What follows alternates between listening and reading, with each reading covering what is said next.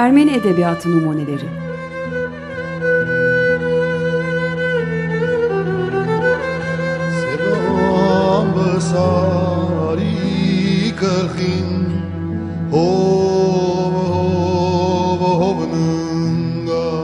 Hazırlayanlar Paylin ve Yetvart Tomasyan.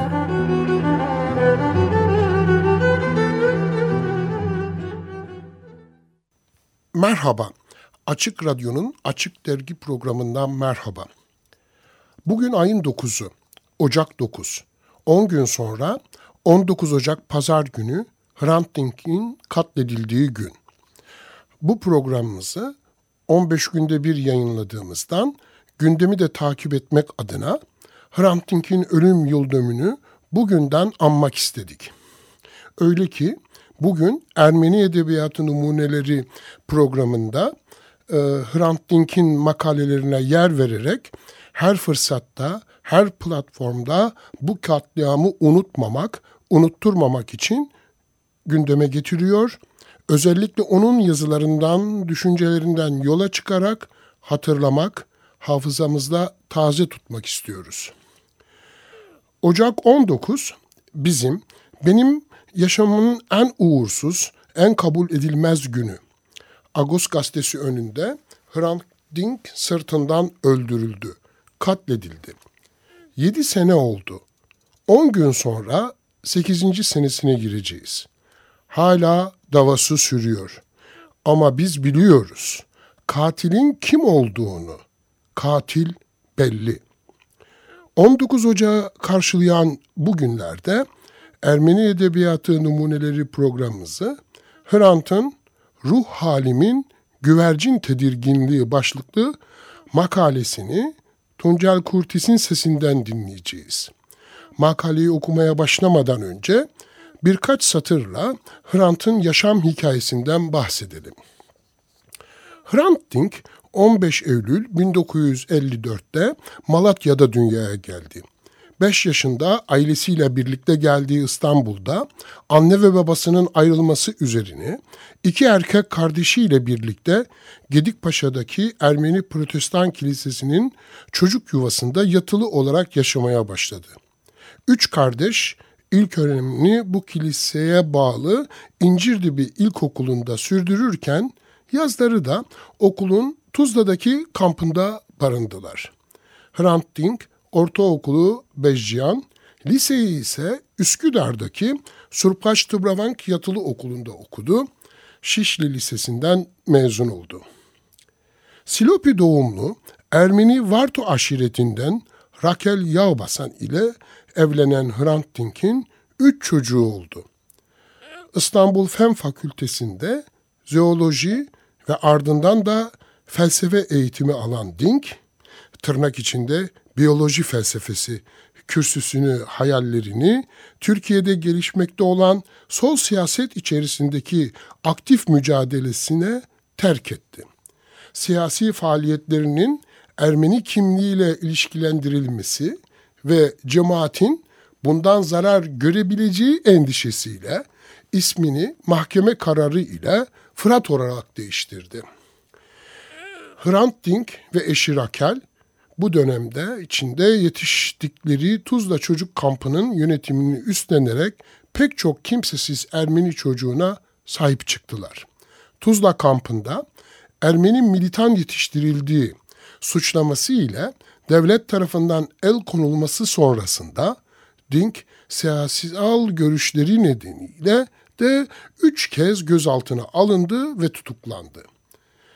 Kardeşleriyle birlikte bir kitap evi işleten Dink, 90'lı yıllarda Ermenice günlük Marmara gazetesinde Çutak, Ermenice keman demek, e, rumuzuyla Ermeni tarihine ilişkin Türkiye'de çıkan kitaplara yönelik eleştiri yazıları yazmaya başladı. Aynı coğrafi bölgede doğup büyümüş, yan yana yaşayan, farklı kültürlerden insanların birbirini edebiyat yoluyla daha iyi tanıyıp anlamalarına yardımcı olmayı, insanlığın ortak değerlerine birlik, birlikte katkıda bulunmayı amaçlayan Aras Yayıncılığı 1993 yılında beraber kurduk. Ermeni yazarlardan çevirili kitaplar veya çağdaş Ermeni yazarların kaleminden Türkçe eserler basan Aras Yayınevi faaliyetini 20 senedir sürdürmektedir. Hrant 3 sene sonra 1996 yılında bu kez Agos Haftalık gazetesini kurdu ve 5 Nisan 1996 tarihinde ilk sayısı yayınlanan haftalık Agos gazetesi İstanbul'da Türkçe Ermenice yayınlanan ilk gazete olarak tarihe geçti. Adını iki dilde de ortak olan ve sabanın toprağa açtığı, içine tohumun konulduğu ve bereketin fışkırdığı yer anlamına gelen Agos deyişinden alan gazete, bu bereket ve ortaklık simgesi ışığında bir yayın politikası benimsedi. Ana hedefler, Türkiye Ermeni toplumunun ana dilini bilmeyen kesimiyle dayanışmak, Türkiye Ermenilerinin devlet nezdindeki sorunlarını kendi sesinden dile getirerek geniş kamuoyunun desteğini almak ve Ermeni kültür ve tarihini ana kaynağından Türk toplumu ile paylaşmaktı. Yaşam hikayesinin Agos bölümünü çoğunuz biliyorsunuz. Ve 19 Ocak 2007'de Agos gazetesinin önünde kurşunlanarak öldürüldü. Hrant'ın ölümünün birinci yılında Hadik İnisiyatifi tarafından hazırlanan yan yana gelmiş 19 ünlü ses, Hrant'ın makalelerini, yazılarını seslendirmişlerdi. 19 ünlü sesten Tililili başlığı altında Hrant'a ses vermişlerdi. Gelin şimdi Ağustos'ta kaleme aldığı, ölümüne parmak kala yazdığı ruh halimin güvercin tedirginliği başlıklı makalesini onun anısını yaşatmaya çalışarak Tuncel Kurtis'in sesinden dinleyelim. Ruh halimin güvercin tedirginliği 19 Ocak 2007 Başlangıcında Türklüğü aşağılamak suçlamasıyla Şişli Cumhuriyet Savcılığınca hakkımda başlatılan soruşturmadan tedirginlik duymadım. Bu ilk değildi. Benzer bir davaya zaten Urfa'dan aşinaydım. 2002 yılında Urfa'da gerçekleşen bir konferansta yaptığım konuşmada Türk olmadığımı, Türkiye'li ve Ermeni olduğumu söylediğim için Türklüğü aşağılamak suçlamasıyla üç yıldan beri yargılanıyordum. Duruşmaların gidişatından dahi habersizdim. Hiç ilgilenmiyordum. Urfa'dan avukat arkadaşlar gıyabımda yürütüyorlardı celseleri. Şişli savcısına gidip ifade verdiğimde de hayli umursamazdım. Sonuçta yazdığıma ve niyetime güveniyordum. Savcı yazımın sadece bir başına hiçbir şey anlaşılmayan o cümlesini değil, yazının bütününü değerlendirdiğinde benim Türklüğü aşağılamak gibi bir niyetimin bulunmadığını kolaylıkla anlayacaktı ve bu komedi de bitecekti. Soruşturma sonunda bir dava açılmayacağına kesin gözüyle bakıyordum. Kendimden emindim. Ama hayret işte, dava açılmıştı. Yine de iyimserliğimi kaybetmedim. O kadar ki telefonla canlı olarak bağlandığım bir televizyon programında beni suçlayan avukat Kerinç size çok heveslenmemesini, bu davadan herhangi bir ceza yemeyeceğimi, eğer ceza alırsam bu ülkeyi terk edeceğimi dahi dile getirdim.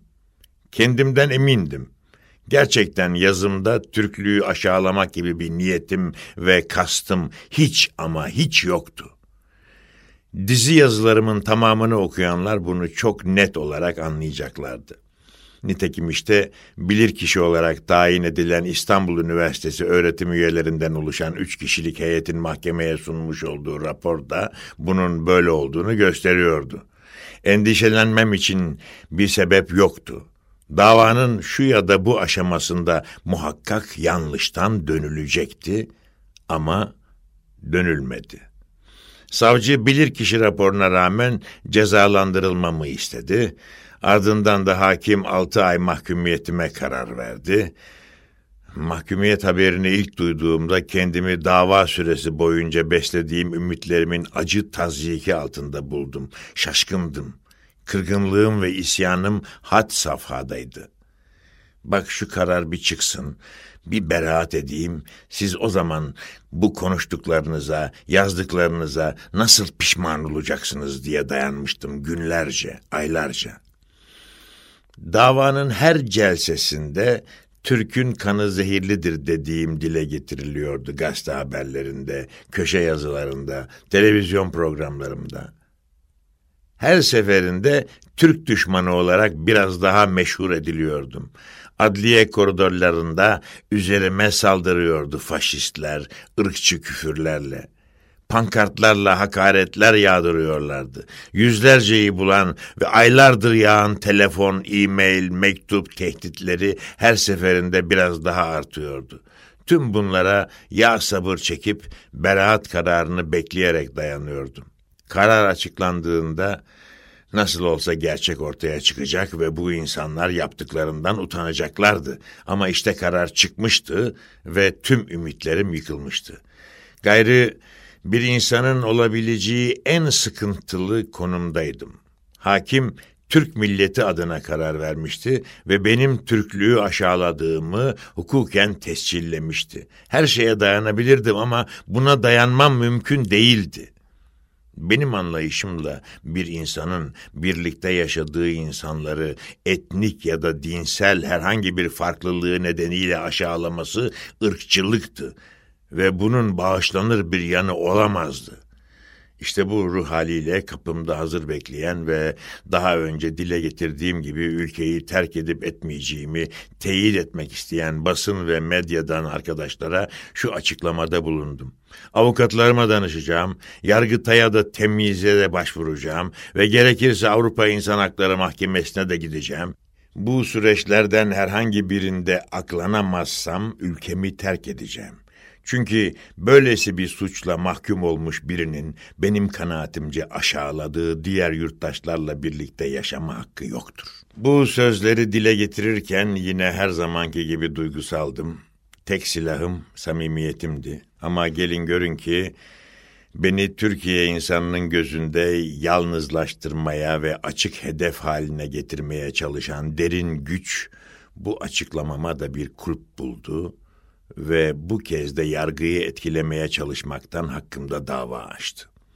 Üstelik bu açıklamayı tüm basın ve medya vermişti ama onların gözüne batan ille de Agos'takiydi. Agos sorumluları ve ben bu kez de yargıyı etkilemekten yargılanır olduk.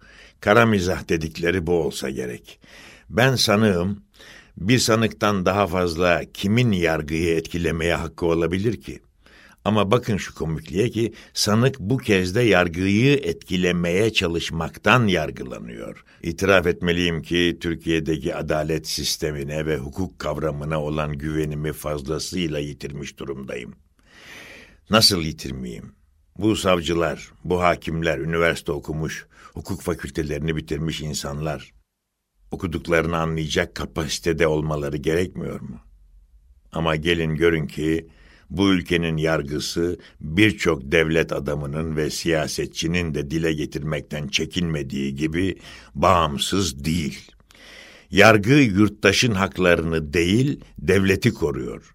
Yargı yurttaşın yanında değil, devletin güdümünde. Nitekim şundan bütünüyle emindim ki hakkımda verilen kararda her ne kadar Türk milleti adına deniyor olsa da şu açık ki Türk milleti adına değil Türk devleti adına verilmiş bir karardı bu. Dolayısıyla avukatlarım Yargıtay'a başvuracaklardı ama bana haddimi bildirmeye karar vermiş derin güçlerin orada da etkili olmayacaklarının garantisi neydi? Hem sonra zaten Yargıtay'dan hep doğru kararlar mı çıkıyordu? azınlık vakıflarının mülklerini ellerinden alan haksız kararlara aynı Yargıtay imza atmamış mıydı? Nitekim işte başvuruda bulunduk da ne oldu? Yargıtay Başsavcısı tıpkı bilirkişi raporunda olduğu gibi suç unsuru bulunmadığını belirtti ve beraatimi istedi ama Yargıtay yine de beni suçlu buldu. Ben yazdığımdan ne kadar eminsem Yargıtay Başsavcısı da o kadar okuyup anlamadığından emindi ki karara itiraz etti ve davayı genel kurula taşıdı. Ama ne diyeyim ki bana haddimi bildirmeye soyunmuş olan ve muhtemelen de davamın her kademesinde bilemeyeceğim yöntemlerle varlığını hissettiren o büyük güç işte yine perde arkasındaydı. Nitekim genel kurulda oy çokluğuyla benim Türklüğü aşağıladığım ilan edildi. Şu çok açık ki beni yalnızlaştırmak, zayıf ve savunmasız kılmak için çaba gösterenler kendilerince muratlarına erdiler. Daha şimdiden topluma akıttıkları kirli ve yanlış bilginin tesiriyle Hrant Dink'i artık Türklüğü aşağılayan biri olarak gören ve sayısı hiç de az olmayan önemli bir kesim oluşturdular. Bilgisayarımın güncesi ve hafızası bu kesimdeki yurttaşlar tarafından gönderilen öfke ve tehdit dolu satırlarla yüklü. Bu mektuplardan birinin Bursa'dan postalandığını ve yakın tehlike arz etmesi açısından da hayli kaygı verici bulduğumu ve tehdit mektubunu Şişli Savcılığına teslim etmeme rağmen bugüne değin herhangi bir sonuç alamadığımı yeri gelmişken not düşeyim. Bu tehditler ne kadar gerçek, ne kadar gerçek dışı. Doğrusu bunu bilmem elbette mümkün değil. Benim için asıl tehdit ve asıl dayanılmaz olan kendi kendime yaşadığım psikolojik işkence. Bu insanlar şimdi benim hakkımda ne düşünüyor sorusu asıl beynimi kemiren. Ne yazık ki Artık eskisinden daha fazla tanınıyorum ve insanların ''Aa bak bu o Ermeni değil mi?'' diye bakış fırlattığını daha fazla hissediyorum ve refleks olarak başlıyorum kendime, kendim işkenceye. Bu işkencenin bir yanı merak, bir yanı tedirginlik, bir yanı dikkat, bir yanı ürkeklik. Tıpkı bir güvercin gibiyim.'' Onun kadar sağıma, soluma, önüme, arkama göz takmış durumdayım. Başım onunki kadar hareketli ve anında dönecek denli de süratli. Ne diyordu Dışişleri Bakanı Abdullah Gül, ne diyordu Adalet Bakanı Cemil Çiçek? Canım 301'in bu kadar da abartılacak bir yanı yok. Mahkum olmuş, hapse girmiş biri var mı? Sanki bedel sadece hapse girmekmiş gibi. İşte size bedel. İşte size bedel. İnsanı güvercin ürkekliğine hapsetmenin nasıl bir bedel olduğunu bilir misiniz siz? Ey bakanlar, bilir misiniz? Siz hiç mi güvercin izlemezsiniz? Kolay bir süreç değil yaşadıklarım ve ailece yaşadıklarımız. Ciddi ciddi ülkeyi terk edip uzaklaşmayı düşündüğüm anlar dahi oldu. Özellikle de tehditler yakınlarıma bulaştığında. O noktada hep çaresiz kaldım. Ölüm kalım dedikleri bu olsa gerek. Kendi irademin direnişçisi olabilirdim ama herhangi bir yakınımın yaşamını tehlike altına atmaya hakkım yoktu. Kendi kahramanım olabilirdim ama bırakın yakınımı herhangi bir başkasını tehlikeye atarak yiğitlik yapmak hakkına sahip olamazdım. İşte böylesi çaresiz zamanlarımda ailemi, çocuklarımı toplayıp onlara sığındım ve en büyük desteği de onlardan aldım. Bana güveniyorlardı. Ben nerede olursam onlar da orada kalacaktı. Gidelim dersem geleceklerdi. Kalalım dersem kalacaklardı. İyi de gidersek nereye gidecektik? Ermenistan'a mı? Peki benim gibi haksızlıklara dayanamayan biri oradaki haksızlıklara ne kadar katlanacaktı? Orada başım daha büyük belalara girmeyecek miydi? Avrupa ülkelerine gidip yaşamak ise hiç harcım değildi. Şunun şurasında üç gün batıya gitsem, dördüncü gün artık bitse de dönsem diye sıkıntıdan kıvranan ve ülkesini özleyen biriydim. Oralarda ne yapardım? Rahat bana batardı. Kaynayan cehennemleri bırakıp hazır cennetlere kaçmak her şeyden önce benim yapıma uygun değildi.'' Biz yaşadığı cehennemi cennete çevirmeye talip insanlardık. Türkiye'de kalıp yaşamak, Hem bizim gerçek arzumuz hem de Türkiye'de demokrasi mücadelesi veren, bize destek çıkan binlerce tanıdık tanımadık dostumuza olan saygımızın gereğiydi. Kalacaktık ve direnecektik. Bir gün gitmek mecburiyetinde kalırsak ama tıpkı 1915'teki gibi çıkacaktık yola. Atalarımız gibi nereye gideceğimizi bilmeden, yürüyerek yürüdükleri yollardan, duyarak çileyi, yaşayarak ızdırabı, öylesi bir serzenişle işte terk edecektik yurdumuzu. Ve gidecektik yüreğimizin değil ama ayaklarımızın götürdüğü yere, her neresiyse. Dilerim böyle bir terk edişi hiç ama hiç yaşamak mecburiyetinde kalmayız. Yaşamamak için fazlasıyla umudumuz, fazlasıyla da nedenimiz var zaten. Şimdi artık Avrupa İnsan Hakları Mahkemesi'ne başvuruyorum. Bu dava kaç yıl sürer bilemem. Bildiğim ve beni bir miktar rahatlatan gerçek şu ki hiç olmazsa dava bitene kadar Türkiye'de yaşamaya devam edeceğim. Mahkemeden lehime bir karar çıkarsa kuşkusuz çok daha sevineceğim ve bu da demektir ki artık ülkemi hiç terk etmek zorunda kalmayacağım. Muhtemelen 2007 benim açımdan daha da zor bir yıl olacak. Yargılanmalar sürecek, yeniler başlayacak. Kim bilir daha ne gibi haksızlıklarla karşı karşıya kalacağım. Ama tüm bunlar olurken şu gerçeği de tek güvencem sayacağım. Evet, kendimi bir güvercinin ruh tedirginliği içinde görebilirim. Ama biliyorum ki bu ülkede insanlar güvercinlere dokunmaz. Güvercinler kentin ta içlerinde, insan kalabalıklarında dahi yaşamlarını sürdürürler. Evet, biraz ürkekçe ama bir o kadar da özgürce. Bugün bir de Tuncel Kurtis'i analım istedik. Onun sesinden Hrant'ın makalesini dinlemek, dinletmek istedik. O koca ihtiyar delikanlıyı Tuncel Kurtis'i de analım istedik. O da aramızdan ayrıldı gitti. Gezi Parkı direnişi zamanında apolitik diye bilinen gençlerimizin haklarına sahip çıkmak için verdikleri mücadeleyi yürekten destekliyorum. Onların üzerindeki ölü toprağının kalkması ile artık bir şeylerin daha güzel olacağı umudunu taşıyorum. Diren, Gezi Parkı diren. Çok güzelsin, çok güzelsiniz çocuklar diye seslenen Tuncel Kurtisi de bir selam gönderip 2014 yılının Açık Radyo'nun, Açık Dergi'nin Ermeni Edebiyatı numunelerinin bu ilk programını sonlandıralım. Sonlandırmadan önce Saltuk Erginer'in Hrant'a ithaf ettiği Hrant adlı bir dakikalık parçasını, be bestesini sizlere dinletmek isteriz.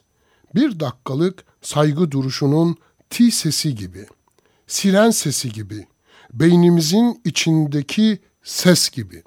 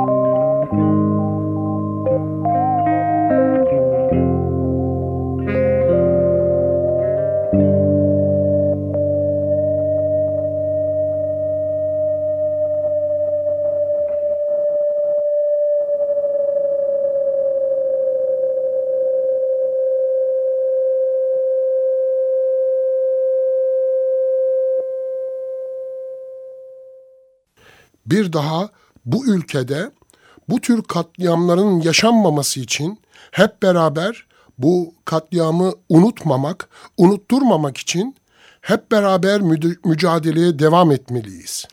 7 sene oldu. 10 gün sonra 8. senesine gireceğiz. Hala davası sürüyor. Ama biz biliyoruz. Katilin kim olduğunu. Katil belli. Ve her 19 Ocak'ta olduğu gibi bu 19 Ocak'ta da Hrant Dink'in vurulduğu yerde olacağız. Şişli, Osman Bey Agos gazetesi önünde veya başka bir etkinlikte hep beraber adalet talebimizi tekrarlayacağız. Bize ayrılan zaman tükendi. Şimdilik hoşça kalın. Radyonuz yeni yılda da hep açık kalsın. Açık Radyo'da kalın. 15 gün sonra Açık Radyo'nun, Açık Dergi'nin bir başka Ermeni Edebiyatı Numuneleri programında buluşmak, görüşmek umuduyla. Sirov Ugarodov, sevgiyle, hasretle.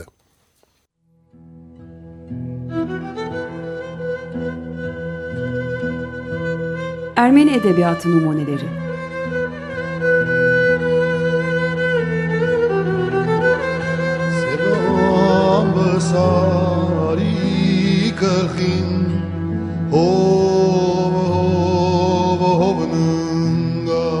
Hazırlayanlar Paylin ve Yetvart Tomasyan.